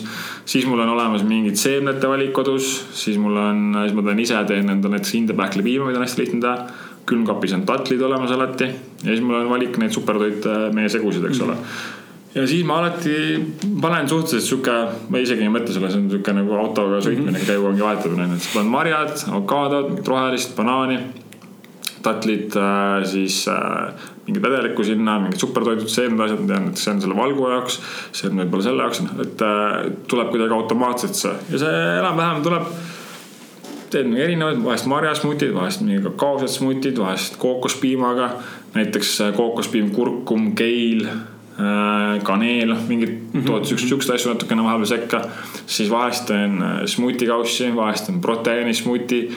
et äh, mingid siuksed võib-olla kolm-neli-viis erinevad käivad siis mingites variatsioonides seal mm. -hmm. aga jah, ma ei ole tundnud, et mul oleks see kuidagi tahtnud nagu ära jääda, kurat, et sa mõtlesid nagu kopes, et seda, seda, seda ei ole olnud. okei okay,, noh siis on, kurat, sa oled sihuke, sind võib tituleerida praegu siin saates siukseks võib-olla eh, Eesti smuuti meistriks. Kaadov smuudis. aastas mingi viissada smuutit, ma arvan, tuleb ära, et selles suhtes Aga päris tugevalt. äkki on nagu siin hea siis eh, panna sind selles mõttes sõbralikult tanki, et me tegelikult sinuga rääkisime, saade tuleb välja nüüd, eks ole, aga me rääkisime sinuga võib-olla ütleme siis hetkes, kui sa täna seda saate kuulaja kuulad, siis äh, ütleme kuu-poolteist tagasi meil oli tegelikult sinuga vestlus mm, -hmm. mõte teha smuuti koolitusi puhtalt selfiga, et ma küsin siis sinult, kallis kuulaja, et teid on päris palju tänaseks juba kogunud meie ausad meeste alla, et kas sa oleksid huvitatud sellisest üritusest, kus siis Booster Selfie Sven ja mina, Martin lööksime kaasa ja lähme siis, võtame kokku sihuke kümme, kakskümmend inimest maksimaalselt ja, ja teeme sellise mitmetunnise, mõnusa, informatiivse ja ka praktilise smuuti koolituse ja, ja ma räägin nendest, ma räägin küll smuutist, aga kes pole smuutist mitte midagi kuulnud, siis miks neid üldse nagu üks minu lugu oli see, et ma sain oma tervise korda, oma immuunsus, eks ole, noh, ma tean väga paljud emad on tulnud, ütlenud, et issand, et mu lapsed ei ole enam haiged olnud see talv, et mul on kolm last, et tavaliselt kogu aeg on haiged onju, et noh, see on kindlasti väga suur asi, mis annab vanematele natuke osa elust tagasi, eks ole mm. -hmm. siis äh, sul võib olla pro probleem kehakaaluga, smutid on väga hea lahendus seal, sul võib olla probleem väsimusega, et su kehal lihtsalt on natuke ülekoormatud kõigest asjast, mis sa sinna sisse paned. natuke liiga palju jood kohvi äh,, natuke liiga vähe võib-olla neid kasulikke toitaineid, siis smuuti on seal väga hea lahendus. sul seedimisega on probleemid, siis äh, smuuti on jällegi väga hea lahendus seal et äh, selliseid kohti samamoodi, noh, et, et miks seda üldse juua ja ma arvan, et võiksime teha küll, millal saade seal laivi läheb ja proovime selle siis sihtida kuskile sihukesesse kohta, et võib-olla kas aasta algusesse näiteks või mm, -hmm. et äh, kus oleks inimestel seda motivatsiooni jätkata ja me aitaksime siis, teeksime koos sihukese workshopi laadse asja. smuuti teadlikkuse tõstmise workshopi. kus me, kus me siis teeme neid smuutisid, maitseme erinevaid smutisid. ja, ja siis räägime ka nende kasulikkusest ja kuidas sellest siis saaks sihuke harjumus. Et sellest võiks kasu olla, sest nagu ma ütlesin ka, et noh, et ükskõik mis harjumust teha ühe korra, sest kasu ei ole mm. -hmm. ühe smuuti, ühe, ühe smuuti joomine maailma ei päästa ja sind ka ei päästa, onju. aga kui sa seda teed kuu aega, eks ole, ja, ja võib-olla jääb selle kuu aja jooksul nüüd selle asemel mingi võiku või šokolaadiamps või, või kanelisaiaamps ära, eks ole. siis äh,. see on mõju on, siis on juba vinn, eks ole, et. Äh. okei okay,, nii et ja, armas kuulaja, anna meile palun teada siis SoundCloudi kommentaaridesse või, või Facebooki postituse kommentaaridesse või üldse Facebooki inbox'i või siis meilile meile. meili peaksime ära muutma, Martin, tegelikult meil on ikka emotsionaalsed mehed, tegelikult peaks olema ausad mehed. me peame uue meili tegema vist, sest me alustasime emotsionaalsete meestena ja siis me muutsime nime. aga okei okay aga. ma arvan selle üritusega niimoodi, et me isegi ei pea inimestelt seda vastust ootama. peagi. Anyway on huvi. Anyway on huvi, ma tean, me näeme seda ka, et inimestel vist on huvi, mis on väga tore, aga ikka võib küsida. aga võib-olla inimesed võiks, kui keegi kirjutab, et äh, kui paljud joovad smutisid, eks ole, oleks äh, hea kuulda, kui keegi kirjutab, mis kogemus või lugu kellelgi on siis Kris saab kindlasti mulle edasi saata mm -hmm. neid asju, noh, oleks huvitav teada lihtsalt ja, ja muidugi ikka andke märku selles suhtes, et äh, et muidu me teeme pimesi selle asja, paneme üles. meil oleks, me tahaks teie kinnitust saada ikkagi, et äh, oleks huvitatud sellest, et me teeme seda teie jaoks, et meie, meie enda jaoks ei tee seda. aga, aga räägime korra, anname korra võimaluse sulle ka Puustu Selfie reklaamida, et eelmises saates Teedu Sven, Teedu Svenile, Teeduga saite mõlemad sõna, eks ole, ja ja saite mingil määral reklaamida, aga räägime. sest et miks ma selle küsimuse olen pannud siia just teie toodete kohta on see, et ma olen päris palju kuulnud ja päris palju on kirjutatud ja ma olen päris palju lugenud, päris palju muidugi on praegu liialdus, aga noh mm -hmm., üle kümne korra kindlasti näinud seda. et ah, see on kõik mõttetud tooted, need ei tööta, see on platseebo, lihtsalt norivad raha välja mina tean, et need töötavad ja sina tead, et töötavad, aga, aga võib-olla kaks küsimust, miks inimesed arvavad, et te nöörite? ja teisalt on see, et miks on näiteks sinu, sinu Booster Selfie ettevõtte tooted paremad kui näiteks mingisugune turul olev Be-More või mingi muu sarnane asi, mis üldse siin levib kuskil? väga hea küsimus. kindlasti peab igasse asjasse suhtuma skepsisega, ma ise samamoodi vaatan, see on väga okei okay. nagu ma ütlesin, ise teha enda uurimustöö. samamoodi nagu sa käid poes ostmas neid teiste tootjate asju, eks ole, vaata, mis sinna sisse pannakse, onju vaata, mida nad sinna sisse tegelikult panevad. Äh, kui sa lähed, vaatad meie äh, puhtalt rehvi tooted poes, siis sa võid võtta teid tagaküll lahti, vaadata, mis seal sees on. seal on ainult sada protsenti supertoidud, seal ei ole ühtegi lisaainet, ei ühtegi lisatud äh, täiteainet, ei mingit paksendajat, suhkruid, mitte midagi kõik on nii naturaalsel kujul, nagu sealt tulnud on ja nad on ainult läbinud siis selle kuivatusprotsessi, eks ole. kus nad on minimaalselt töödeldud, nad säilitaksid siis enda selle toiteväärtuse loomulikult äh, uuritakse seda, inimesed mõtlevad, et kas need siis töötavad või ei tööta, eks ole. jällegi, kui sa ise proovinud ei ole, siis on väga raske arvata seda on ju, et noh, väga palju on neid arvajaid, ma tean, ma tean seda omast käest, sest ma olen ise kunagi täpselt olnud, mul iga asja kohta arvamus, eks ole äh,. vahest äh, nüüd ma olen õppinud seda, et mida, mida rohkem ma teada saan, seda rohkem ma tean, et mida ma vähem, mida vähem ma tean, eks ole. et see koht kehtib seal. Aga mis ma arvan, meie puhul segamini aetakse, on see, et me ei ole toidulisand mm. -hmm. supertoidud on tavaline toit selles suhtes nagu päris toit, ta ei ole kuskilt äh, selles suhtes tehasest tehtud ja töödeldud, kokku pressitud, ta ei ole mingi asendaja. ta on puhas toit, kibuvitsamari, arooniamari tuleb puu otsast, temaga ei tehta seal midagi muud, kui kujutatakse ja jaotatakse ära, eks ole. Äh, kakao tuleb puu otsast, röstitakse ära, purustatakse ära, on kakaoniipsid, jaotatakse ära, on toorkakaopulber, eks ole. ja, ja siis me oleme need kokku pannud niimoodi, et ta ei ole toidulisand, eks ole. Äh, see osa seal. nüüd, kas kas meie omad on paremad kui teiste omad äh,? jah, on küll. jah, on, jah, on küll kindlasti, kindlasti õige vastus äh,. Piimoor, kui ma viimati neid, nende pakki nägin, siis nad ei olnud mahe. meie oleme mahe ja me tahame pakkuda parimat kvaliteeti. Äh, et päriselt need, äh, see toiteväärtus oleks siis seal sees see, mida see inimene sealt ootab, eks ole mm. -hmm ja loomulikult, et see inimese jaoks ka lihtsalt tarbitavaks teha, on ju, et sellest paneme retseptid kaasa ja, ja aitame, et see, see harjumus siis saaks juurduda, on ju. et, äh, et ma arvan, need kõik, kõik osad kokku panna, proovi ise ära, ära, ära kuula teiste arvamusi, proovi ise ära. Ja miks me anname Booster Selfis äh, kolmekümne päevase garantii, on see raha tagasi garantii, kui sulle ei meeldi, kui sulle ei maitse, anname sulle raha tagasi sul ei ole mitte mingisugust riski. et me tahame sind aidata toitumisega, kui me seda teha ei suuda, kui sulle see ei sobi, siis sellega on okei okay., that's it aga siin võib-olla peaks tegema disclaimer'i ka, mida tegelikult tähendab kolmkümmend päeva raha tagasi garantii. et kui ma nüüd tahan tarbida teie toote elu lõpuni raha tagasi saamisel, siis ma tegelikult seda teha ei saa. kolmkümmend päeva kehtib peale ostmist. aga kui ma tahan järgmise korra uuesti samast teha niimoodi lihtsalt öeldes skeemitades, et kuidas, kuidas see poliis välja näeb? selles suhtes äh, niimoodi vaata, aga, aga me ikkagi usaldame inimesi, inimesed on ikkagi head, eks ole, et me ei saa. tead, mõni ettevõte on see, kui sa teed raha tagasi garantii, siis nad sulguvad sulle kliendile ukse, sa ei saa rohkem tellida. me sellist asja teinud ei ole, sa saad kindlasti tellida. kui nüüd see üks nimi hakkab selle korduma mm, -hmm. jah, siis kindlasti muutub see kahtlaseks, eks ole. aga, aga eestlased siiski nii pahad inimesed ei ole, et no, siiamaani ei ole pidanud kokku okay. puutuma vähemalt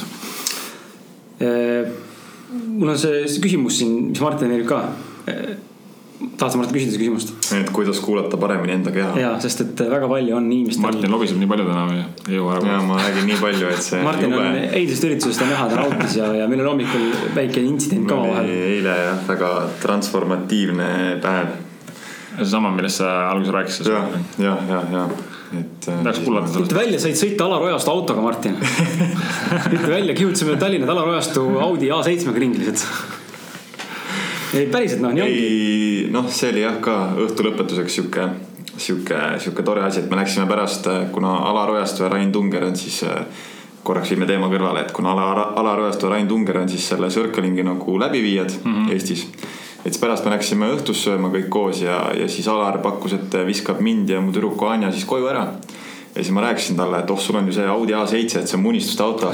ja siis ta andis mulle võtmed, et näe, mine rooli, et see oli sihuke, sihuke tore ah,, tore, tore õhtu lõpetus, et ma olin nagu siiralt tänulik, et äh, tundsin, tunnen, et need on nagu need hetked, kus me manifesteerime nagu oma unistusi, et näiteks kui sa oled unistanud mingist autost ja nüüd sa istud seal roolis ja sõidad sellega, et see on nagu see, mis loob seda ma muide lõpetasin just Alar Ojastu raamatu, kindlasti soovitan seda lugeda. Äh, sada protsenti, et tõesti hea lugemine ole. Alarit olen äh, kaua jälginud ja ammu fännanud, et äh, väga hea eeskuju kindlasti. sellest autost, autost rääkides, siis mul paar päeva tagasi, noh nüüd, kui te kuulate saadet, siis mitu nädalat tagasi, aga oli ka sama situatsioon, et hommikul tulin linna ja mõtlesin, et võtan Bolti takso ja mul oli krediiti Bolt ja mõtlesin, proovin premiumi, pohhu, et mis siis on, onju, mis see premium Eestis on, Ferrari't ei saagi, mis ma siis saan.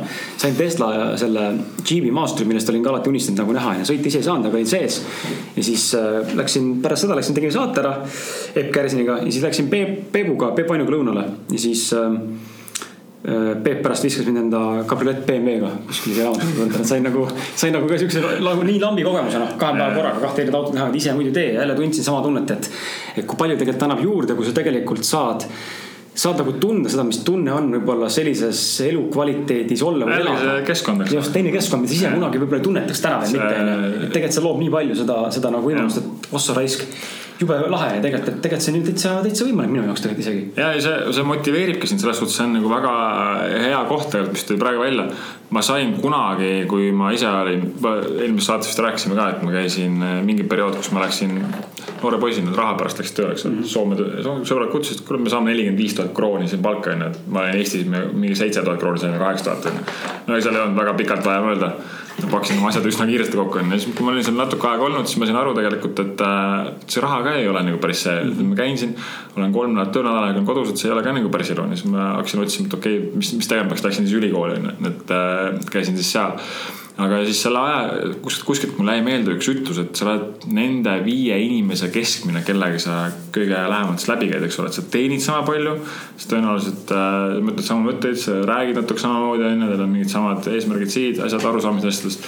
täpselt nii ongi, onju. nüüd, kui sa nagu oled siis rohkem kas Alariga koos või äh,, või siis äh, Peep Ainuga koos, eks ole, siis kindlasti see liigutab sind sinna nende poole rohkem, noh mingi aja jooksul, eks ole, et see ei juhtu kohe, see ei juhtu kiiresti aga juba järgmise kolme aasta jooksul sa oled liikunud siis lähemale oluliselt kiiremalt hästi, et see keskkond on hästi oluline nagu. mul, minuga see, see ütlus kuidagi jäi väga tugevalt sisse nagu. ja, ja aitas mind ka. aga lähme küsimuse juurde. kuidas kuulata paremini enda keha? võib-olla tahaks tuua nagu mõne näite, ma ei oska tuua näidet, aga no ütleme noh, kui ma söön sisse jäätist, Red Bulli, teen suitsu, söön krõpsu, panen friikaid näost sisse, õli tilgub ja niriseb onju, siis ütleme, ma tunnen hea, aga tegelikult noh, ilmselgelt su keha on faktor. ise aru ei saa. kehas on error tegelikult ammu juba. jah, see tegelikult sellega on huvitav lugu see, et kui sa, noh, ma ise tundsin seda, onju, kui sa kogu aeg oled enda selle tavapärase toitumise juures, eks ole, noh, kus ma siis ei möönud õllel, et ma ei, ma ei osanud mingeid teadlikke valikuid teha veel. väga palju oli seda töödeldud toitu, seda, seda, kus toiteväärtus oli väike, eks ole siis sõid ära, lõunaks oli ka see sihuke vana mudel, see kartul ja kaste ja mingi liha ja leib ja piim ja kõik need sihuke hea kombo, eks ole. ja siis oled väsinud, eks ole, noh lõunal tuleb sihuke tuku tuleb peal natukene onju ja siis sa nagu mõtled, see on okei okay,, et, et see peabki niimoodi olema onju. Nüüd ma hakkasin lõuna ajal mingi aeg hakkasin äh, sööma kergemat, et kas siis mingi salat ja seal on ka lihasest kõrval aga, aga ma joosin ja annan piima kõrvale äh, ja, ja see on natuke teadlikum lõuna, eks ole, või ma joon lõuna ajal smuuti vahest äh,. kui ma ei viitsi endale, kui ma tean, et ma tahan midagi kerget ja kiiresti saada, ma ei tunne seda väsimust onju mm. -hmm. siis ma hakkasin aru saama sellest kontrastist seal vahel onju, kui ma söön seda, siis mul on väsimus ja ma olen uimane pärast ja ma ei viitsi midagi teha. kui ma söön seda, siis mul on hea olla, mul ei ole väsimust, mul on energia, ma tahan tööd teha, eks ole seda ma tunnen, vahest tunned seda õhtuti väga hästi. tavaline, tuled Eestist, tuled töölt ära, lähed koju, sööd kõhu täis, paned mingi korraliku siis äh, väsinud diivan ees, lihtsalt oled vaatad telekat onju, sa ei viitsi isegi naisega seksida onju, sa ei jaksa noh, eks ole. kui sa nüüd natukene mõtled, mõtled selle peale ja sööd teinekord võib-olla õhtusööks midagi muud, midagi kergemat. sul on hea olla, tahaks veel midagi teha, eks ole, kuskil minna jällegi see vahe, kui me kogu aeg teeme ühtemoodi, siis me ei tunne seda vahet lihtsalt mm, -hmm. sest me ei anna isegi võimalust sellele. toitumisega on, on sama asi, et kui me oleme, kui me seda mingit muutust, muutuse seal poole peal oleme, siis me hakkame vaikselt aru saama, et aa, okei okay,, nagu niimoodi. näiteks äh, mu tüdruksõbral Charlie'l, tal on gluteenitaluvamatus, laktoositalumatus ka onju. kui tema sööb midagi, mis on siis gluteeni või, või laktoosiga, tal on kohe tundes, eks ole tal oli eluaeg, seal oli pikalt aastaid, aastaid, aastaid, ta ei saanud aru, mis valesti on, kogu aeg kõht valutas, kõht krappis kogu aeg onju. nüüd alles hiljuti ta on hakanud aru saama sellest, et tal on talumatus onju, tegi mingid testid ära. oskab seda vältida, eks ole. ei saa aru sellest ja näiteks puhitused on sihuke hästi suur probleem onju, sest me sööme hästi palju erinevaid asju onju, sa kugistadki seda jäätist ja pitsat ja kõiki muid asju sinna Coca-Colat otsa veel. siis su kõht on lihtsalt nagu organism ütleb, kuhu, kuidas ma selle ära sorteerin, sest need konteinerid lihtsalt selle sodi jaoks ei ole olemas nii palju onju. ta peab selle kõigega hakkama saama.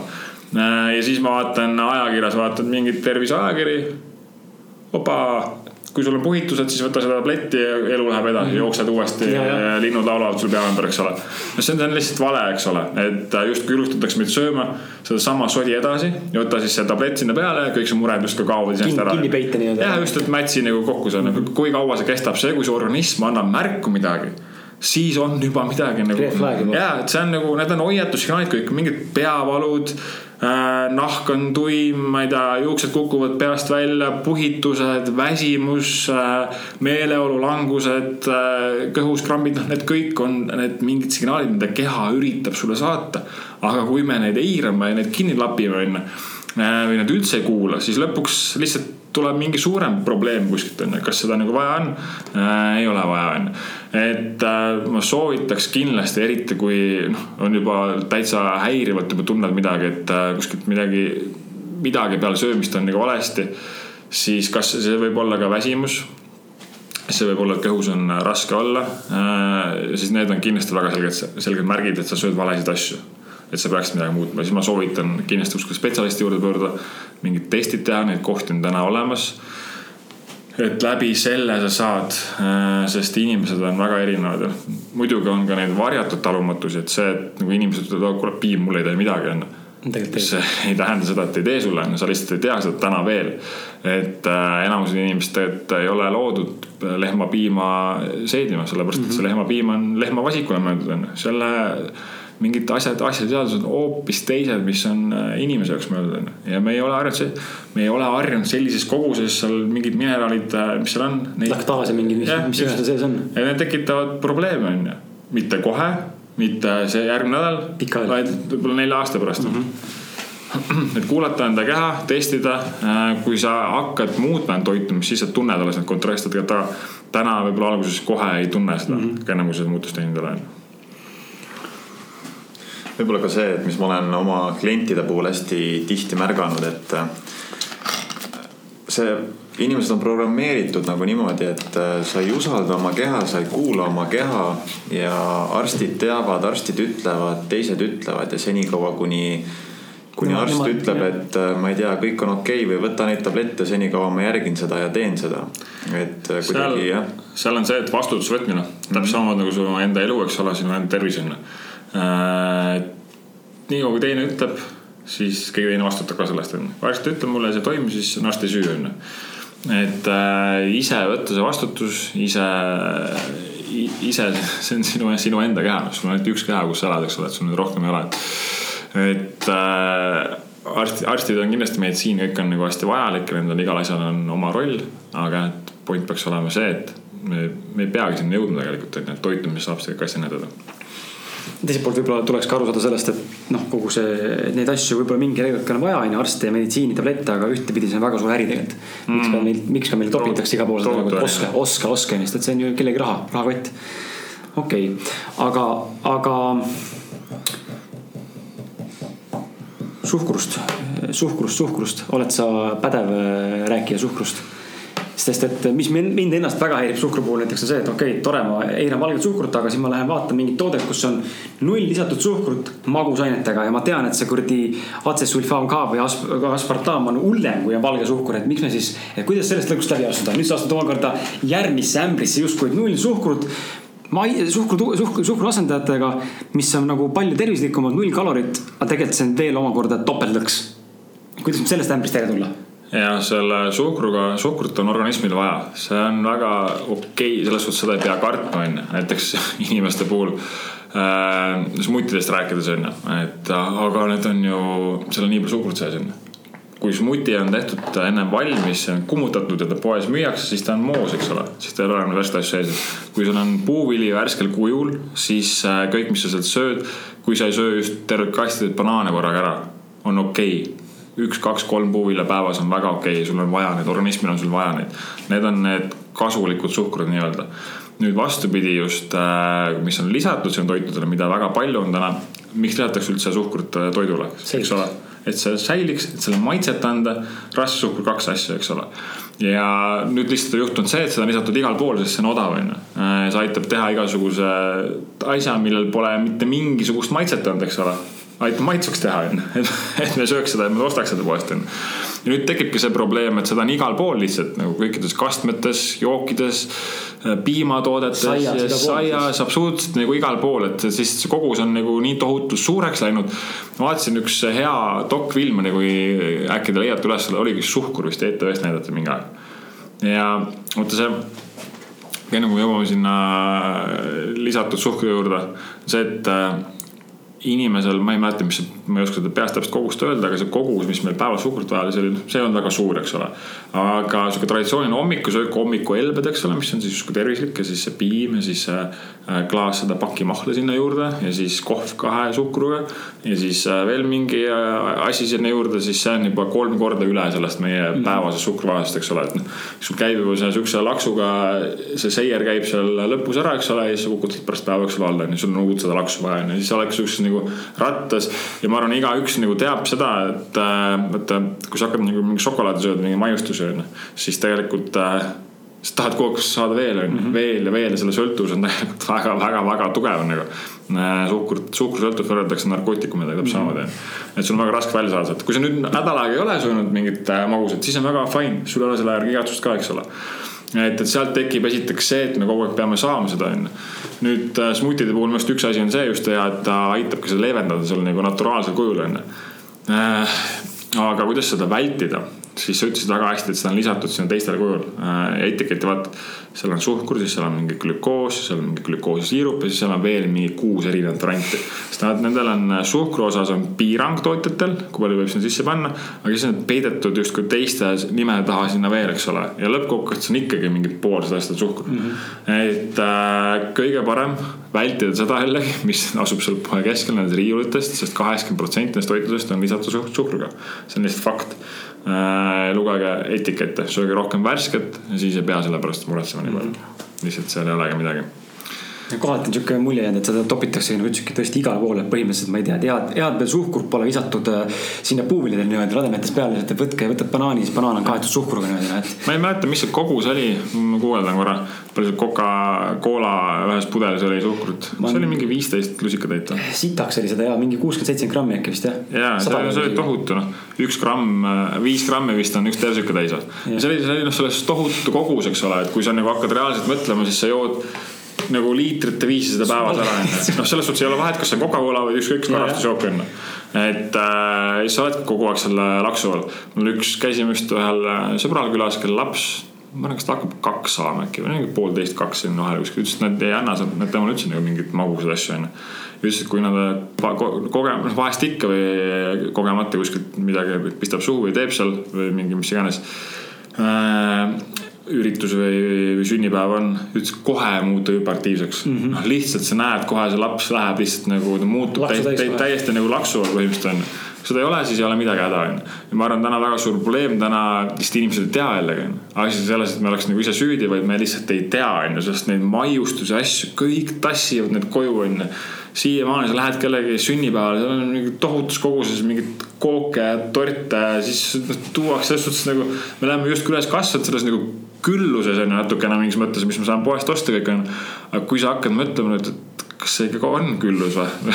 Äkki see on nagu hoopis vastupidine tegelikult nagu hoopis needus et, et, äh, et ja, ja noh loomulikult igalühel on taskuraha onju, ise tean ka omast käest ja siis ikkagi ostad poe, koolis neid komme asju onju, mis on magusad ja mingid pirukad seal, et midagi väga raske on seal, väga raske on seal nagu midagi nagu reguleerida ja midagi nagu teha või aidata, eks ole, et see lihtsalt see ühiskond, lihtsalt me oleme nagu jah, see keskkond jälle, eks ole, et äh, väga hea, et see noori mainisid, sest praegu see tekitas mulle tahtmise küsida küsimus, mida ma tahtsin jätta viimaseks, aga just võib-olla siis teebki sellise suunatusega, et just see infoteadlikkus ja noorel inimesel infoteadlikkust tihtipeale ei ole väga palju.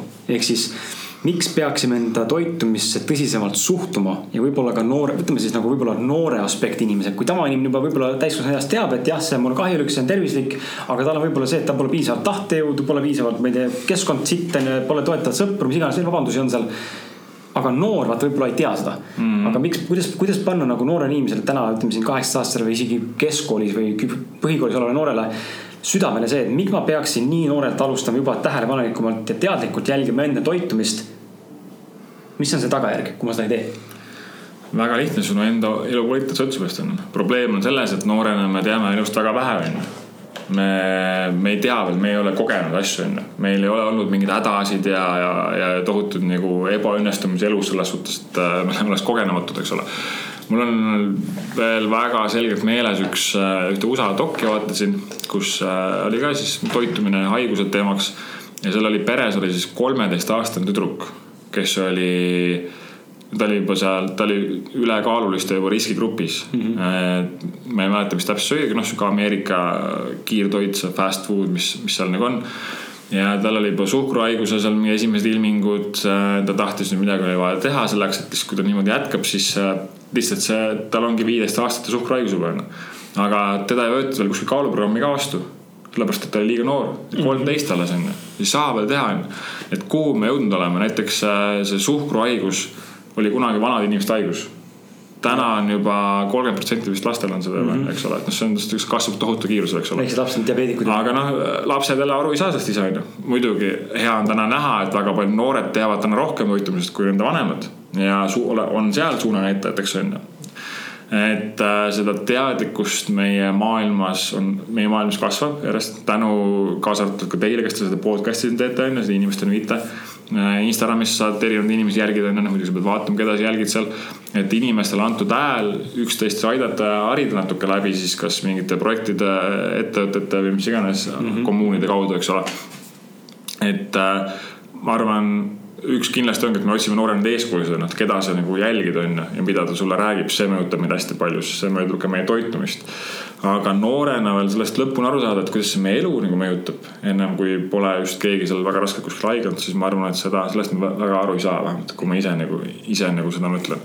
aga mis me teha saaksime selleks, et äh, ise siis tervemad olla äh,, ollagi uudishimulikud mm. -hmm ja suhtuda natukene, vaadata seda tänast toitumist, sest ma arvan, et see generatsioon inimesi, mis äh, praegu siin meist natukene vanemad on äh,, ühed haigemad inimesed üldse Äh, kes, kes siin elanud on, et me, need, meie nagu meist nooremad ja meie lapsed äh, on kindlasti palju-palju-palju teadlikumad onju, aga see seltskond, kes praegu elab, see, kui sa vaatad neid äh, haigust ja kui, noh, kui palju mingid haigused tapavad inimesi, noh, siis inimesed arvavad, sõda on paha onju sõda ei tapa pooltki nii palju inimesi kui seesama.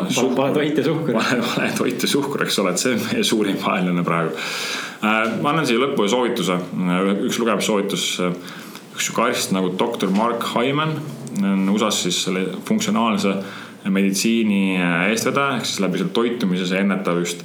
ja tema raamat ilmus nüüd ka eesti keeles, Mida kuradit ma peaksin sööma just tõesti soovitan mm -hmm. lugeda ja ta räägib sellest toitumisest kui tervik, tervikust. ja, ja, ja annab soovitusi, noh tõesti väga hästi lihtsalt seletab. kindlasti ostke endale see raamat, äh, laenutage, lugege seda, laene, laenutage üksteise käest. et äh, see aitab natukene pildi selgemaks saada, aga see uudishimu on äh, mind täna siia toonud, et ma siin teiega koos sellest räägin. ise katsetada, ise proovida ja, ja vaadata, kust see siis toit tuleb, et oleks siis värske ka. okei okay., kas sul on ühe küsimuse jaoks veel aega või sul on kiire? ei, mul on, võime teha. siis viimane küsimus, kui Martinil pole mingeid uusi küsimusi tekkinud vahepeal Martin noogutab ei, eitavalt, siis äh, küsimus võib-olla, miks me, tundub olevat meeste jaoks smuutide joomine äh, väikest viisi häbiasi, kummaline toidukord äh, või asi, mida tarbida. ja, ja samal ajal on naiste jaoks see täiesti jumala okei okay, või lausa isegi sihuke ideaalne, ma joon smuutit ja ma olen nagu mina joon smuutit, ma olen nagu sihuke nagu tervislik. et kuidas seda nagu, kuidas muuta meeste teadlikkust või, või siis seda arusaama sellest, et see smuuti ei ole mingi homotoit või ma ei tea, mis selle on, mõnel, mõnel alfaisasel on mingisugune, ma tean, et on mõned inimesed, kes söövad smuutit ja teevad mingid pedelad või. viga, pane, pane kõõrega sisse sinna või? ma panengi jah, panen kaks kõrt lausa noh, ja imen korraga. roosa smuuti. roosa smuuti jah, imen korraga kahest kõrrest. jumala hea küsimus, väga hea küsimus äh,. asi on väga lihtne, vaata mehed on siuksed aeglased onju iga asjaga natuke, naised katsetavad, proovivad uusi asju, nad äh, nad saavad meestest oluliselt varem küpsemaks, onju. Äh, mehe, meestel võtab aega see. mul on väga paljud naised öelnud, et ta ise hakkas vutit jooma, siis mees vaatas seda, noh, mitu kuud vaatas kõrvalt niimoodi, mis, mis kuradi asi see on, onju, et noh, mida sa nagu teed jälle selle endaga, onju. ta on nagu natuke sihuke põlastava pilguga natuke, et nagu mis jama see on põhimõtteliselt, onju aga siis, kui naine talle endale ka klaasi andis, siis jõi nagu ära selle, vaata sihuke nagu kõhklev, eks ole. aga, aga siis mingi aeg hakkas ise tegema, onju, ja siis mingi aeg hakkas ise meie käest neid segusid tellima, eks ole, siis mutisid jooma ja siis naine tuli seal lõpuks aasta aja pärast, et jõud, ma hakkasin ise jooma, onju, siis poole aasta pärast mu lapsed ja nüüd aasta, nüüd aastaga hiljem joob mees ka, et me kõik joome smutisid, eks ole. ja noh, mees on alla võtnud, naine tunneb ennast paremini, näeb parem välja, ilusam välja Äh, lapsed on tervemad, on ju, et noh, kogu pere on saanud selle efekti. aga ma arvan, meestel on sihuke nagu noh, selleks, et teiste nagu arvamus natukene, et äh, mis siis nagu teised mehed ei joo ja siis ma joon ja muidu vaadatakse nagu jalkat ja juuakse õlut ja siis noh, ma. ma joon siis mutit. mutit, panen siis selle sinna Instagrami ka selle pildi. Ma ütlen ausalt, kui ma hakkasin mõttes muti, seda mulle täiesti suva lihtsalt. nagu täiesti suva, mis keegi arvab, see, mida ma iseenda jaoks teen, see on minu enda asi äh,. loomulikult mingites asjades mind huvitab teiste arvamus ka ja ma kuulan seda onju. aga mingi sihukeste küsimuste koha pealt absoluutselt nagu mitte onju. Mhm. et äh, ei peaks seda kartma ja ma arvan, meestel täpselt samamoodi onju, mille pärast nad meestel ei seisa sellepärast jällegi toitumise juurde tuleme tagasi, eks ole.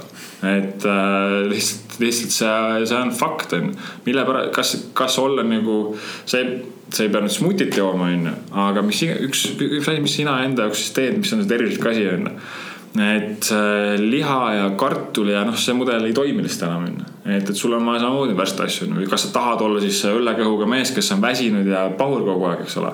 ei taha ilmselt keegi olla tegelikult onju et äh, kui vastu vaatad tänapäeval, kes vastu rõhutavad, siis noh, see meestel see kõht ja ma arvan, mul oleks samamoodi. ma saan kolmkümmend viis sügisel, eks ole kindlasti oleks, kui ma no,. mingi punu oleks kindlasti. mingi punu, mingi punualge oleks juba ees kindlasti onju, no neljakümneseks oleks see natuke suurem juba onju. saaks trummi teha. ja siis ta juba noh, siis juba läheb onju, et ja noh, siis neljakümne viieselt hakkavad juba seal mingid muud mm, -hmm. selles suhtes meie tervis meie organism vananeda siis kogu aeg, mingid asjad jäävad nagu nõrgemaks, meil on rohkem toitainet äh, vaja mingites asjades on keha jälle mingeid asju ise nii palju ei tooda enam, eks ole. Et äh, see lihtsalt on fakt on ju, see on fakt, see ei olegi midagi isegi rääkida. Aga kui me ise ei suuda oma tervist siis toituda, toetada, nii siis liikumise kui toitumisega, siis me liigume ainult ühes suunas, eks ole. ja see, kas siis, küsimus on võib-olla see, et kas ma tahan siis äh, kas ma tahan siis viiekümnesena, neljakümnesena olla nagu haige kuuekümnesena või ma tahaks olla veel nagu elurõõmus ja mm -hmm. teha asju ja nautida ja käia nagu ma olin kolmekümnene, eks ole et noh, see on lihtsalt see küsimus on ju. inimesed tahavad kõik ikkagi olla terved ja olla mõttes. ma arvan, ma arvan ka, aga siis peab nagu aru saama ka sellest, et see, et ma oleksin viiekümneselt terve, sellega ma pean tegelema praegu on ju, mhm. mitte et ma ei hakka siis tegelema sellega neljakümne seitsmeselt.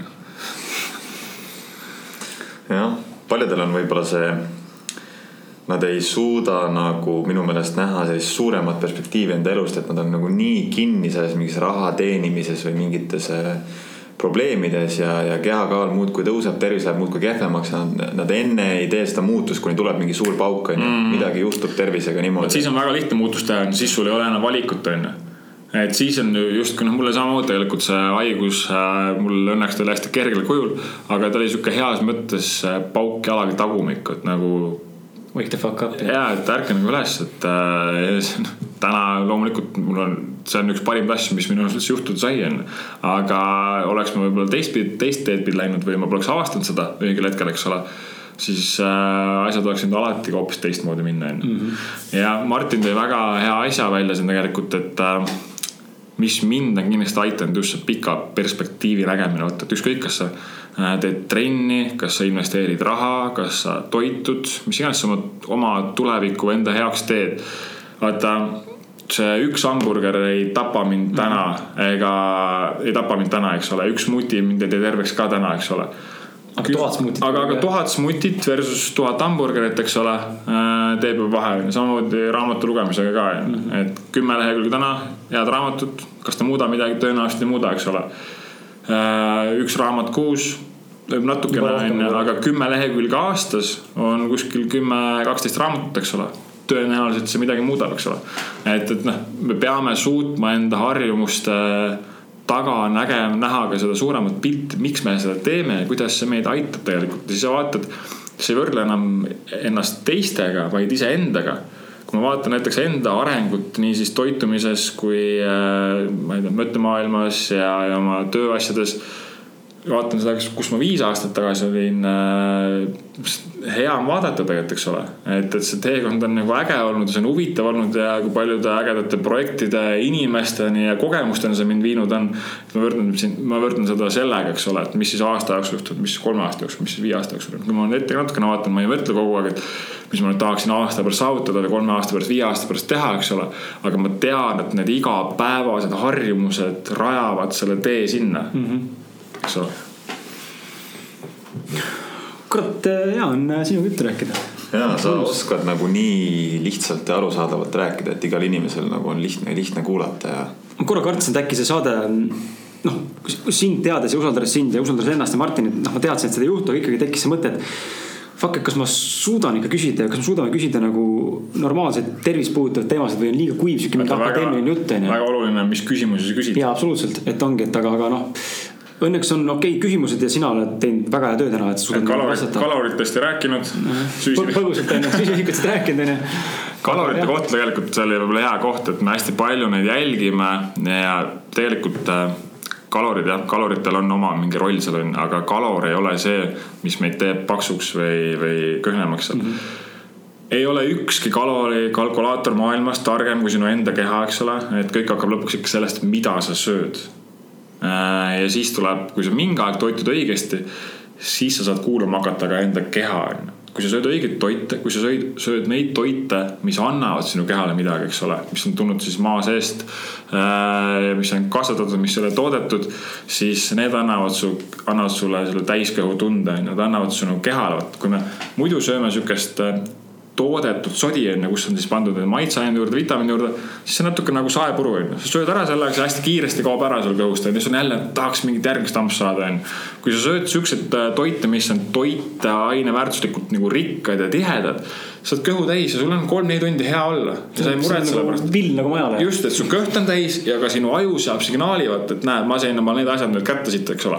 Ja siis sa nagu sügele kogu aeg ja siis tekib alles see koht mõne perioodi möödudes, et ma saan kuulata enda keha toitumise suhtes, et mille isud mul on, onju. Mhm. Äh, aga ennem seda nagu seda võib-olla nii, nii, nii väga teha ei saa, et siis sa ainult äh, isutad siukse suhkru ja natuke selle rämpsu, rämpsu järgi võib-olla, noh oleneb muidugi, kus iga inimene oma toitumisega täna on, et. Aga ja, et siis tekib alles see, et sa tunned ja siis sa tunned alles seda pikaajalist efekti näiteks. et nüüd ma olen kuus kuud, noh, meil on hästi palju kliente kirjutanud, kes hakkasid siis neid smuutist jooma. ta hakkas ühe smuutiga pihta, võib-olla alguses natuke oli raske ja kohe jäänud see harjumuseks. Aga ma olen nüüd kuus kuud smutisid joonud, onju, ma olen mingi seitseteist kilo alla võtnud, onju, mul on see, see, see, see onju, ja siis sa loed neid lugusid, siis saad nagu aru, et näed, see ongi pikaajaliste harjumuste nagu vili onju, et kohe kiiresti ei tule midagi, trennis ka, kaks korda käin trennis ära, lähen peeglisse, vaatan, kurat, see ei tööta onju ei ole selles viga tegelikult. eks ole, viga on selles, et käid trennis kolm kuud, kuus kuud onju, vaata, kas siis äh, loomulikult, mismoodi sa teed seda trenni, see ka määrab selle onju.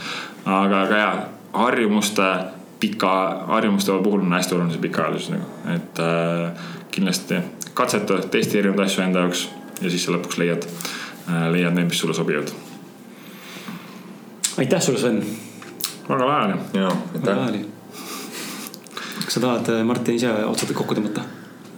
tõmba sina. tõmban mina. ma täna olen nii jutukas, et äh, et äh, aitäh ka sulle, armas kuulaja, et sa olid meiega poolteist tundi siin ja, ja loodan, et äh, Sven suutis sind enda, enda imeliste maalivate sõnadega panna istutada sulle pähe siukse väikse idan, idandava seemne, et hakata smuutisid jooma ja, ja hakata ka kuulsa šefi kliendiks.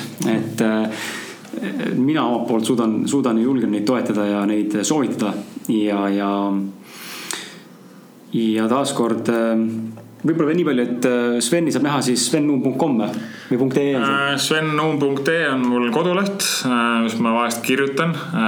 aga Sven Nuum Instagramis, otsi üles mind, et seal ma jagan enda harjumuste, oma isikliku elu kohta, mis ma teen, mida ma avastan, mida ma mõtlen rohkem Instagram story sid. et otsi Instagramis mind ülesse. tahtsin sulle Sven öelda, et no sa tekitasid minus ükskord kadedust oma Instagramiga, ma panin kinni selle kohe. tegin ta lahti, siis ma pidin vastama kellelegi selle invoice'i, siis ma nägin sinu seda feed'i seal korraks ette ja siis ma tundsin nagu, et fuck, et Sven on leidnud viisi, kuidas instat teha ja mulle täiega meeldib. ja ma ise veel, ikka veel köhin sellega, ma ise ei saa hakkama, ei leia endale nagu suunda. just see postitus, kus sa tegid raamatupoes selle pildi, vaata mm -hmm. raamatutest ja sul see engagement läks jõhkraks, ma ise panin ka sinna oma raamatusoovituse või mingi asja. tegelikult lihtne, et, et äh, nagu ei olegi vaja seal liiga palju nagu mõelda või üle pingutada ja kangutada tohutult onju, et äh, lihtsalt ole tavalise inimesena võib-olla see, kes sa oled nagu. ma olen sinna rohkem jõudnud, ei pea mina olema, iga inimesel on oma erilised, erilised pooled ja küljed ja anded. selles mõttes ole sina, et ole sina ise. ja, ja ole sina ise.